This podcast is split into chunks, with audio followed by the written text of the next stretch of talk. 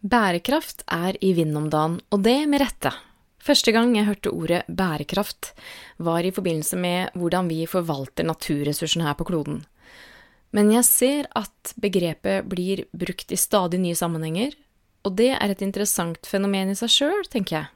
Jeg forstår det som et uttrykk for at vi er blitt bevisst på at vi driver rådrift på flere fronter, ikke bare på naturressursene våre. På oss sjøl også, for eksempel. Så i tillegg til å ha et klimaengasjement, så er jeg særlig opptatt av din og min personlige bærekraft. Hvordan vi lever livet våre på en måte som er bærekraftig for helsa og trivselen vår. Hva må til for at vi skal få til det? Det skal det handle om i denne episoden. Du lytter til Med hjertet for jobben, en podkast om stressmestring og arbeidsglede, selvledelse og karriere Mitt navn er Kristin Weholt. Jeg hjelper deg med å trives på jobb, takle stress og utvikle deg i riktig retning ved hjelp av målretta coaching og forskningsbaserte online-kurs. Du finner meg på kristinweholt.no.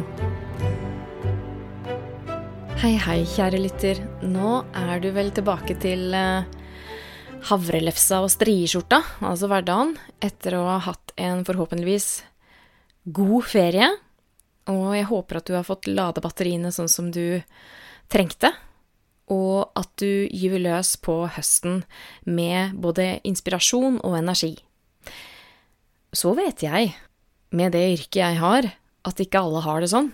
Kanskje tenkte du at ferien ikke var lang nok, og du har allerede gått inn i hamsterhjulet igjen og tenker at i alle dager, er jeg her igjen? Uh, har jeg virkelig ikke skaffa meg mer energi og overskudd og inspirasjon og motivasjon i løpet av ferien? Det er mange av oss som tenker at alt skal bli så mye bedre når vi har hatt ferie. Bare vi får ferie, så skal, så skal vi komme tilbake igjen og være klar, fit for fight. Men så blir det ikke alltid sånn. Og da må vi back to basics. For de som abonnerer på nyhetsbrevet mitt, så har jeg vært litt mer personlig, men jeg kan jo si her, da, at eh, det første halvåret i 2023, det var krevende i mitt tilfelle. Kort sagt så gikk jeg gjennom et eh, samlivsbrudd, og selv om jeg vil beskrive det som eh, minnelig og ryddig, så er jo sånt alltid veldig vanskelig, og det innebærer jo en del endring i livssituasjonen. Og eh, dette samlivsbruddet, det sammenfalt med at det tok av i min lille bedrift. Så det kom inn veldig mye coaching. Jeg var fullboka på coaching, og jeg hadde mye undervisning. Og jeg tok også et lederutviklingsprogram som var veldig krevende. Og jobben blei jo den arenaen hvor jeg kjente på mestring, hvor jeg kjente på mening, og hvor jeg hadde rein og skjær arbeidsglede. Jeg var ofte i flytsona, jeg elsker å jobbe med klientene mine, jeg syns det er kjempegøy å undervise, og jeg elsker å lære, sånn som jeg gjorde på det lederutviklingskurset, så det var masse positivt med det. Men selv positivt stress, som det heter når man er i flytsona, det krever at man har eh, vinduer hvor man kan hvile og lade. Og jeg var ikke så god til å benytte meg av de vinduene, fordi, som du vet, det er mye bedre på kort sikt å flykte, inn i jobben enn å kanskje deale med det som foregår på privaten. Så det blei en sånn lite bærekraftig løsning på en bearbeidelse som, som måtte finne sted. Så ferien min, den var ikke lang nok til at jeg skulle komme tilbake og være helt på topp. Og jeg har fortsatt rolige dager i jobben min fordi jeg bare har akseptert at det er noe som har påvirka meg nå. Enn så lenge så må jeg gjøre det jeg kan for å skaffe meg en bærekraftig hverdag. Og det er egentlig også helt sånn grunnleggende pensum i stressmestring. For all endring, sånn som jeg har vært igjennom, innebærer en viss dose stress, eh, og noe av det kan være positivt, og noe kan bli for mye av det gode og bli negativt. Så hva er det her grunnleggende pensumet da i stressmestring? Hvor begynner vi hen når vi har lyst til å både forebygge og dempe stress? Jo, det er ikke noe mer hokus pokus enn at vi begynner med det vi kaller grunnleggende ressurser. Det handler om at um, vi, vi, tar fatt i de byggesteinene som bygger helsa vår. Og de grunnleggende ressursene våre, det er kort sagt søvn og hvile, sunt og variert kosthold, trening og bevegelse, sosialt samvær og i min verden mindfulness. Men det trenger ikke være mindfulness, det kan også være en annen strategi som adresserer mental helse. Jeg er fan av mindfulness fordi det er gratis og alle kan få det til. Eh, det er så tilgjengelig, og det har dokumentert effekt på stress, og det har også andre dokumenterte positive helseeffekter. Så derfor så tenker jeg at mindfulness det er på en måte et sånn lavterskeltilbud for, for oss alle som vi kan benytte oss av. Så det er de fem ingrediensene som inngår i grunnleggende helse, de grunnleggende ressursene våre som vi må begynne med. Og når jeg får noen inn i coaching som opplever stress og mistrivsel, så begynner jeg her. Hvordan står det til med de grunnleggende ressursene dine? Det er nesten en sånn sjekkliste. Og nå har jeg lyst til å snakke litt nærmere om dem, for å dele litt med deg hvordan jeg tenker rundt disse ressursene når jeg skal skaffe meg en bærekraftig hverdag, sånn at jeg kan være ship shape når jeg møter klienten min i coaching, og også komme meg ovenpå igjen. Og hvis du nå har gått inn i høsten og kjenner at wow, jeg er allerede i hamsterhjulet, og jeg vet jo at før sommerferien så var jeg jo kjørt av det, så, så er det her du skal begynne. Her kan du gjøre masse selv, så følg med. Vi begynner med den første, søvn og hvile. Altså, forskningen på søvn, den er interessant, for den er så ung. Vi har jo alltid trengt masse søvn, vi mennesker. Vi sover bort en tredel av livet vårt hvis vi sover så mye som vi burde. Og allikevel så har forskningen vært oppsiktsvekkende lite opptatt av søvn. Det er først de siste 20 åra hvor man virkelig har dypdykka i betydningen av søvn, og hvordan vi burde sove hvis vi skal få alle helsegevinster av søvn. Det viser seg at de færreste av oss kan gå på noe mindre enn syv til ni timer eh, søvn i døgnet. Det gjelder voksne mennesker. Unge mennesker kan trenge litt mer, særlig tenåringsungdom. Men voksne mennesker trenger et sted mellom syv og ni timer i snitt. Så du kan jo sikte på åtte timer søvn, da. Og så er det noen som skryter av at de kan gå på veldig lite søvn. Altså, det tror jeg gjelder Jeg mener jeg leste i en bok som heter The Sleep Revolution av Ariana Huffington, at eh, bare 2% av befolkningen kan gå på noe mindre enn 7-9 timers søvn. Er du virkelig blant den 2% Kanskje du er det, men sannsynligvis ikke. Så eh, sikt på åtte timers søvn, så er det på den sikre sida. Og det her er jo sånt vi vet, ikke sant, men det er så vanskelig å gjennomføre for mange av oss. Kanskje har du småbarn som vekker deg, eller kanskje er det um, du og mannen din har litt ulik sirkadisk rytme. Hva betyr det? Jo, kanskje du er A-menneske og mannen din er B-menneske, og så legger du deg litt for seint i forhold til hans rytme, og så står dere opp litt for seint i forhold til det du egentlig hadde hatt godt av, da, fordi mm, A- og B-mennesker, det er It's a thing. vi har ikke lik eh, sirkadisk rytme. Det er noe som tilsier at enkelte mennesker de er mer B-mennesker, og enkelte mennesker de er mer A-mennesker. Og det, det, eneste vi kan gjøre med det, det er jo å lytte til kroppen vår, sant? Og, og kanskje også skrive en slags dagbok, søvndagbok, eller bare kartlegge litt for oss selv, i hvert fall. Når føler jeg at jeg sover best? Når får jeg den beste kvalitetssøvnen? Når føler jeg meg naturlig trøtt? Er det faktisk litt tidligere på kvelden? Og er det deiligere for meg å stå opp tidlig? Eller er jeg et B-menneske som først sovner litt seinere, og også trenger å sove litt lengre? Ha respekt for den sirkadiske rytmen din. Den kan endre seg i løpet av livet. Den, det er ganske vanlig å bli litt mer A-menneske for de som er B-menneske, da, når man blir litt eldre. Men eh, prøv å finne ut for din egen del hva du er, og respekter den biologiske rytmen du har. Så er det jo mange av oss som strever med å sove godt. Eh, det er jo et tegn på stress. Et tegn på negativt stress, at vi ikke får eh, sove nok. Eh, vi strever med innsovning, eller vi våkner underveis, eller vi våkner for tidlig. Dronningen av god søvnhygiene, det er den gode gamle stå opp og legge seg til samme tid. Og hvis du blir streng på det også i helgene, så er det stor sjanse for at du vil ha en bedre søvn. I tillegg så er det viktig at soverommet ditt er mørkt, og at det ikke er varmere enn 18 grader. Og så er det sånn tips, da, eh, som jeg ofte sluntrer unna med, enda så godt jeg vet om det, og jeg vet at det funker, i hvert fall alltid når jeg gjør det, det er at ikke bli liggende og true fordi du ikke får sove. Eh, du skal helst ikke ligge mer enn 15 minutter før du står opp igjen og gjør en eller annen rolig aktivitet, som litt rolig yoga eller en mindfulness-øvelse, eller du leser litt i en bok, men ikke masse lys. Du må jo sikkert ha litt leselys, da, men ikke noe skjerm, skjerm ikke skjerm, men skjerm. Um, ikke noe mobiltelefon eller PC. Eller TV, for den saks skyld. En eller annen rolig aktivitet og så kan du prøve igjen om noen minutter og se om du faller i søvn da. Kanskje skal du spise noe. Eh, en ting jeg ofte spiser om natta hvis jeg ikke får sove, det er fordi jeg er sulten. Det er en banan eller en yoghurt.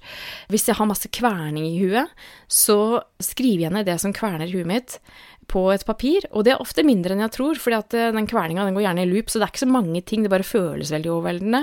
Og så kan jeg gå og legge meg fordi at jeg vet at alt det jeg kverner på som jeg strever med å huske da er redd for at jeg ikke skal huske når jeg trenger å huske det, det er nå skrevet ned på papir, så da kan hjernen min liksom hvile fra det, og så sovner jeg. Så her fikk du noen tips. Ikke ligg mer enn 15 minutter, gjør en eller annen aktivitet rolig, og så prøv igjen istedenfor å ligge sånn og skape sånn søvnstress, sånn 'Å, nå har klokka kvart over tre, og jeg har ennå ikke sovna'.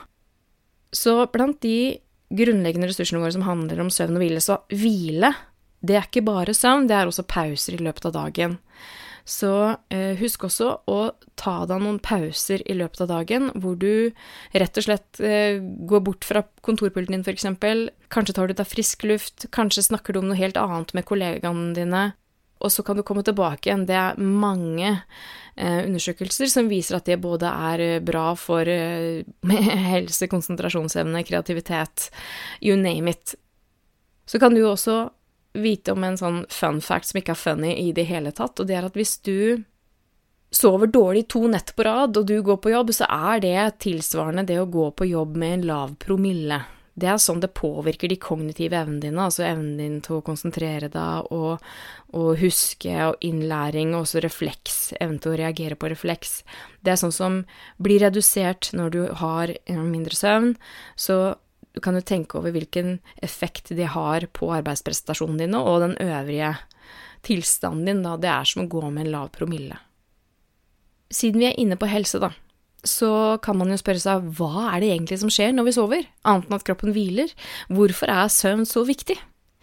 Og en av de tinga som skjer, da, det er mange ting som skjer, og jeg har ikke dybdekunnskap i dette, men jeg vet at veldig mange av kroppens helningsprosesser, tilfriskningsprosesser, eh, de skjer når man sover.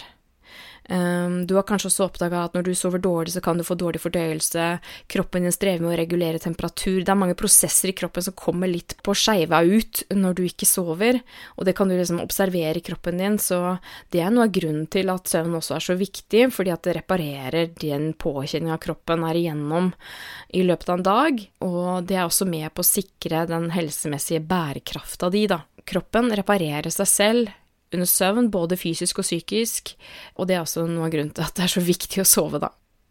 Så det var søvn og hvile som er en grunnleggende ressurs. Jeg begynner som regel alltid her.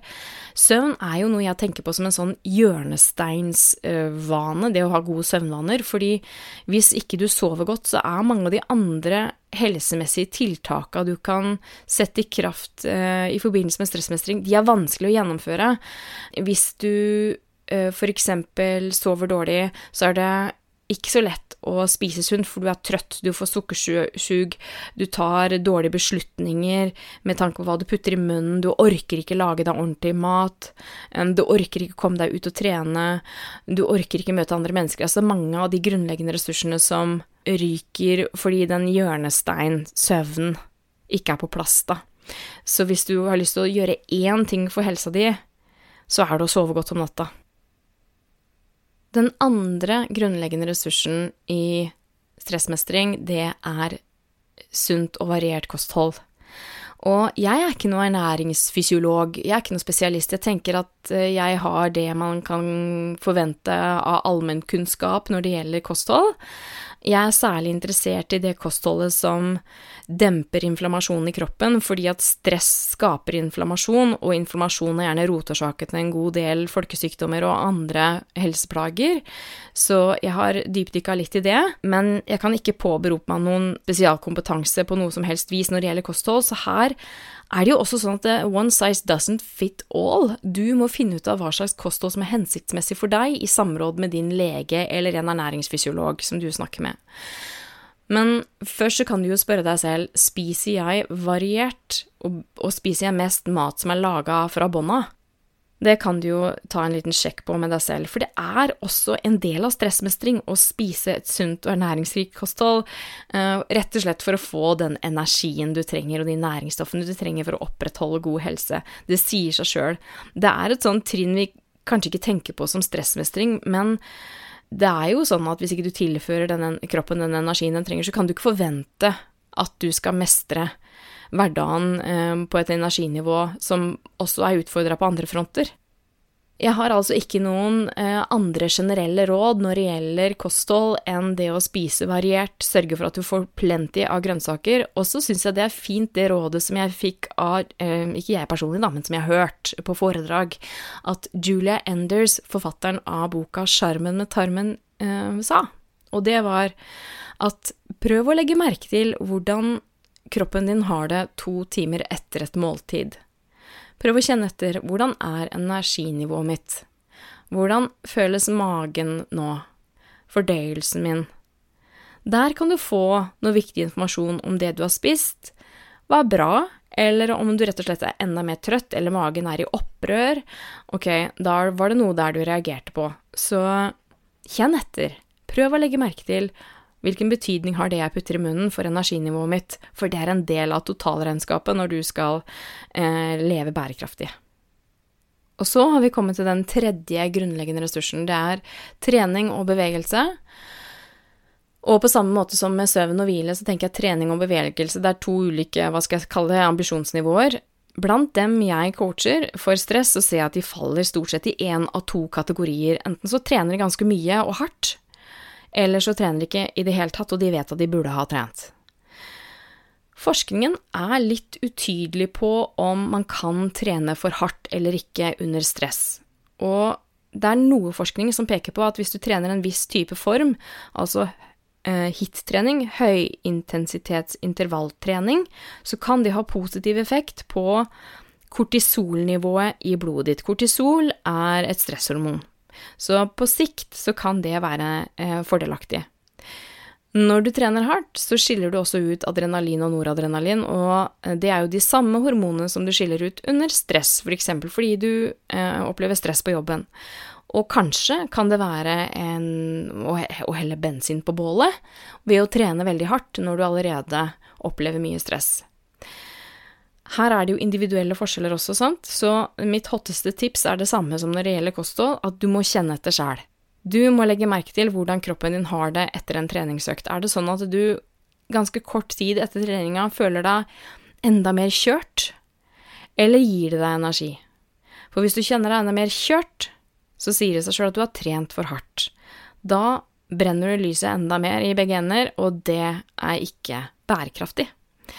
Så pass på at ikke du trener for hardt hvis kroppen begynner å si ifra. Eh, det er bedre å ta det litt med ro hvis du har et veldig høyt eh, stressnivå. Og så kan du si at de som ikke trener i det hele tatt, eh, de har jo definitivt en fordel av å begynne å trene. Og det vet de på et intellektuelt plan, de vet at rasjonelt sett så burde de ha gjort det, men finner ikke tid til det. Og her er min strategi at jeg tenker alt er bedre enn ingenting. Og på den tida da jeg hadde veldig mye stress på jobb, det er tilbake ja, snart ti år siden, så gikk jeg hjem fra jobb hver dag. Og det var en tur på fem kilometer, så det var jo et stykke. Eh, og det trenger ikke være så mye, men det var den ene tingen jeg gjorde gjennom hele den tida hvor jeg opplevde ganske mye og langvarig stress, og jeg tror det var den ene tingen som berga meg fra et langtidssykefravær. Fordi når jeg gikk hjem, så, så gikk jeg av meg en god del stress. Jeg fikk frisk luft. jeg fikk dagslys, jeg fikk bevegelse, og jeg gikk fort. Jeg gikk den turen på 45 minutter, så jeg tror det var det Jeg kan ikke vite, for det går jo ikke an å måle det på noe vis, men jeg tror det var det som berga meg fra et langtidssykefravær. For den turen der, den blei Jeg kjente det selv, at det var det som gjorde meg godt i løpet av dagen. Du trenger jo ikke gå fem kilometer hjem fra jobb, men se om du kan få til 30 minutter bevegelse hver dag. Og når jeg sier bevegelse, så betyr ikke det nødvendigvis at du skal da trene hardt. Men prøv å få opp pulsen litt, bli litt varm i hvert fall. Tenk at alt er bedre enn ingenting. Kanskje har du tid til en ti minutters styrkeøkt på rygg og mage, bare for å trene litt stabilisering i overkroppen. Core. Altså, tenk smått først. Ikke gape over for mye, for det, du har ikke noe godt av å sette i gang med et ambisiøst treningsprosjekt som du detter av etter tre uker. Det er bare mer mm, dårlig mestringsfølelse. Så begynn i det små. Alt er bedre enn ingenting. Den fjerde grunnleggende ressursen, det er sosialt samvær. Altså, vi trenger mennesker rundt oss som vi kan føle oss trygge med, som vi kan ha det hyggelig med, som vi kan kjenne oss elska av, og som er av den type relasjon at vi kan være oss sjøl, og det er godt nok. Det er ikke sikkert du har 100 sånne relasjoner, og det trenger du heller ikke, men du trenger en to, tre, fire stykker eh, som du kan slappe av helt med. Dessverre så er det sånn at mange dropper å være sammen med venner og familie når de opplever mye stress, for de føler ikke at de har tid, fordi de må jobbe, f.eks. Eller at de har ikke overskudd, de har ingenting å gi, de føler seg som en sånn eh, vaskeklut, så det er bedre bare å holde seg for seg sjøl. Og det å isolere seg er også et tegn på stress, da. Så eh, det forsterker stresset.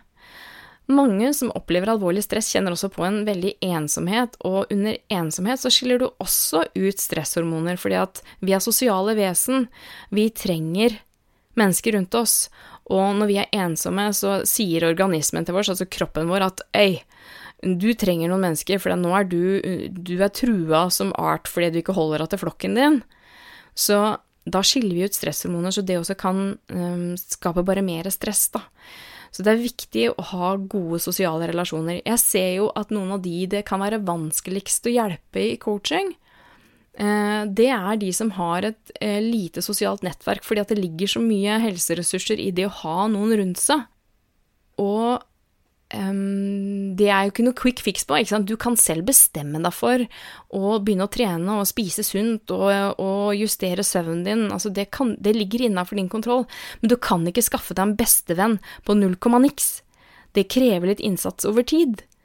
Så det er en sånn langsiktig investering å pleie de sosiale relasjonene dine, og det er faktisk helt kritisk for helse. Det å være ensom tilsvarer å røyke ti sigaretter om dagen. Så mm, sosiale relasjoner er også en viktig dimensjon ved stressmestring. Det er stressreduserende å være sammen med mennesker hvor du kan være deg sjøl og slappe av, og føle at du hører til et sted. Og til slutt, da, så er det dette med mindfulness, den femte grunnleggende ressursen. Og jeg nevnte jo litt eh, det innledningsvis, at det er noe alle kan få til. Hvis du tenker at jeg får ikke til mindfulness, når jeg, når jeg, prøver å meditere, så kommer det masse tanker og Ja, det gjør det også for en buddhistisk munk som har sittet i lotus i 30 år. Det er øvelsen, det. Det er å observere alle de tankene og følelsene og kroppsfornemmelsene og sanseopplevelsene, altså at du hører Eh, naboens sirkelsag eller vaktmesterens løvblåser utafor. Alt det der, det er bare en del av det å meditere, da. Og meditasjon er bare én praksis du kan ha innenfor mindfulness, som egentlig handler om mye mer også. Du kan skille mellom en formell praksis som handler om å ha en meditasjonsrutine, f.eks., eller du kan drive med bodyscanning, men det kan også være mindre formelle aktiviteter som fargeleggingsbøker.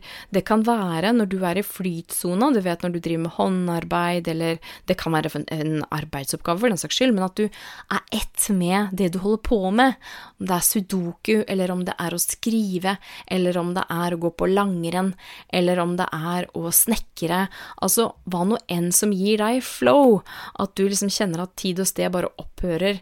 Det er en indre motivasjon i det du driver med. Det er også mindfulness, for da er du fullt og helt her og nå.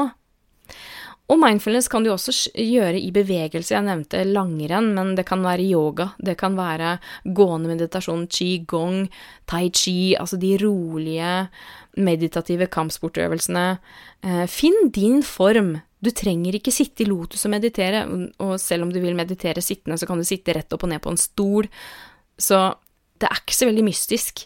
Og det finnes mange gode meditasjonsapper der ute som er gratis, og, eller du betaler et, et lite i det jeg vurderer som et symbolsk beløp. Selv er jeg veldig glad i den meditasjonsappen som heter Calm, fordi at jeg liker også fin musikk som du kan legge på, og jeg liker variasjon, og det er masse forskjellige programmer, jeg er ikke sponsa. Så finn en innleser, en som guider, som du liker å høre på. Så prøv, da. Ti minutter hver dag. Det kan du få til og det har dokumentert effekt på stress. Det virker stressdempende. Det løser ikke nødvendigvis rotårsaken til stress, men du kan ved å ha en sånn liten sånn måle på øreflippen se at eh, det roer stressresponsen i kroppen etter fem minutter hvis du bare sitter og fokuserer oppmerksomheten din på pusten i fem minutter. Så se om du kan få til det i løpet av en dag. Kanskje du kan gjøre en ti minutters eh, sittende meditasjon eller ti minutters kroppsskanning. Det vil kanskje gjøre underverker. Bare test det. Bare gjennomfør det i en uke uten å stille noen spørsmål. Just do it. Uten å ha noe prestasjon i det. Kanskje klarer du å tenke på ingenting, men sannsynligvis ikke. For det, sånn er vi ikke skrudd sammen. Men du kan trene oppmerksomheten din til å følge med på pusten din, og så kan du ha aksept for at det kommer noen tanker, og det er mindfulness. Det er bare å være med det som er. Så eh, prøv også om du kan inkorporere mindfulness i hverdagen din som den femte grunnleggende ressursen. Så nå har vi vært igjennom de, de fem grunnleggende ressursene som vi begynner med i stressmestring, og som skal bidra til at du får en bærekraftig hverdag. Dette her er jo eh, hvile og søvn, kosthold, trening, sosiale relasjoner, mindfulness. Det er jo egentlig vaner du burde ha hver dag, sant, som ruller og går hele året. Det burde ikke være sesongbasert, men noen ganger så ramler vi av igjen, og da registrerer vi bare det, og så går vi tilbake til den vanen igjen, da, uten å dømme oss selv, uten å bli selvkritiske. For det er de som sikrer at du får en bærekraftig hverdag. Det er de her som er surstoffmaska di på flyet. Du har kanskje hørt om det, at før du kan gjøre noe som helst annet på flyet, hvis det skulle ramle ned noen sånn der surstoffmaske foran deg for det skjer et eller annet, du skal ta på din egen først. Og det er når du sikrer de grunnleggende ressursene dine at du tar på den surstoffmaska. Det kommer foran alt annet. Og så kanskje du sitter der og tenker ja, men Kristin, du vet jo at det å etablere gode vaner, det er lettere sagt enn gjort. Jeg prøver eh, hvert år med nyttårsforsetter, og det går over sånn litt ut i februar. og her gjelder det kanskje å etablere én vane av gangen, og så er det masse andre strategier du kan ta i bruk. Jeg skal ikke gå inn på det nå, for det vil føre for langt, men eh, det er to bøker jeg kan anbefale. Og den ene, det er Charles Duhiggs bok The Power of Habit. Den andre, det er James Clears Atomic Habits. Det er to bøker jeg anbefaler på det varmeste hvis du vil ha litt inspirasjon til hvordan du kan komme i gang med gode vaner. Jeg kjenner til et enkelt verktøy fra den positive psykologien som jeg har lyst til å dele med deg. Positiv psykologi har som vitenskapelig prosjekt å etablere en teori for trivsel. Så det er forskningen på det som gjør livet godt å leve. Det er positiv psykologi. Og der fins det en sånn mental strategi som heter WOOP, og som er basert på 20 års forskning. Og ved at den trener din motivasjonsmessige intelligens, så øker den sjansene dine for at du får til det du setter deg fore, f.eks. etablere eller endre en vane. Så jeg sa at den mentale strategien heter WOOP, og WOOP står for Wish, Outcome, Obstacle, Plan. Altså wish, eller ønske, outcome, det er resultat, Obstacle, det er hindring, og plan, det er plan. Så hvordan bruker du den? Jo, nå skal du høre. Wish, det kan eksempel være at jeg har et ønske om å trene fire ganger i uka. Outcome, eller resultat, det kan være at jeg vil løpe ti for Grete under Oslo Maraton. Det er resultatet av at jeg trener fire ganger i uka. Obstacle, eller hindring, det er jo det som kan komme i veien for at jeg gjennomfører den vanen med å trene fire ganger i uka, sant? Obstacle kan jo være dørstokkmila. At jeg rett og slett eh, nedprioriterer trening. Plan eller plan, det kan være at jeg da legger en plan for å omgå dørstokkmila, sant? Altså, jeg må ha en strategi som hjelper meg til at hindringen ikke blir en hindring. Og det kan være kvelden før å legge fram alt treningsutstyr og fjerne all den friksjonen som det følger med å fullføre vanen, sant? Altså gjøre det så enkelt som mulig, så det ikke blir en hindring, den dørstokkmila. Så der har du et eksempel. Wish, outcome, obstacle plan. Det er en mental strategi for å øke eh, suksessraten din på å etablere en ny og god vane. Så nå har jeg altså fortalt om det som skal gjøre hverdagen din bærekraftig. I hvert fall med tanke på helse og trivsel. Og det er de fem grunnleggende ressursene søvn og hvile, sunt og variert kosthold, trening og bevegelse, sosialt samvær og mindfulness. Og så har jeg fortalt om hvordan du kan styrke de gode vanene dine, og derigjennom de grunnleggende ressursene dine for å ha en bærekraftig hverdag, og du har lært om en mental strategi, whoop, som skal øke sjansene dine for å lykkes med de gode vanene dine. Men ikke nok med det. Jeg har laga en gratis tracker til deg, hvor du kan tracke eller måle hvor god du er til å opprettholde vanene som styrker de grunnleggende ressursene dine. For hvis du er som meg, så liker du å måle ting. Jeg elsker å måle alt jeg setter meg for å gjøre, for jeg blir så motivert når jeg ser min egen progresjon, særlig når jeg har klart å gjøre en bra ting over lengre tid. Hvis jeg f.eks. setter meg for å drikke to liter vann hver dag, da, i 30 dager, og jeg har klart det i 24 dager, så vil ikke jeg ødelegge streaken min, da skal det ganske mye til før jeg gir opp de siste seks dagene. Og er du også sånn? For hvis du er det, så må du skaffe deg trackeren min. Du kan gå til kristinveholt.no slash gode vaner og så fyller du ut navnet og e-post der, og da får du tilsendt en PDF jeg har laga til deg, med en beskrivelse av hvordan du går fram. Altså, det her er trackeren, hvor du sjøl spesifiserer vanen som skal styrke hver grunnleggende ressurs, og derigjennom sikre din personlige bærekraft. Og du vil se av det skjemaet du får der, at jeg har latt meg inspirere av Whoop, fordi i tillegg til å definere den vanen du har lyst til å begynne med, da, for å styrke de grunnleggende ressursene dine, altså Wish, så må du definere mål, eller resultat, da, outcome. Og du må definere en hindring, en obstacle, og du må legge en plan, plan. Så gå til kristinveholt.no slash gode vaner, så finner du trackeren der helt gratis, og vips! Hvis du fyller ut den, bruker den, så har du økt sjansene dine dramatisk for å få til en bærekraftig hverdag. Lykke til! Du har lytta til Med hjertet for jobben, en podkast om stressmestring og arbeidsglede, selvledelse og karriere. Mitt navn er Kristin Weholt, og jeg er coach, kursinstruktør og karriereveileder. Vil du selv lese artikler og andre kilder jeg viser til i podkasten, sjekk shownotes til denne episoden. Og vil du lese artikler og se videoer jeg har produsert, gå til medhjerteforjobben.no. Der kan du også melde deg på nyhetsbrevet mitt og få tilgang til gratis ressurser som er relevante for stressmestring. Gå gjerne inn og rate denne episoden, og del den med en venn som kanskje også kan ha nytte av å høre denne. På gjenhør!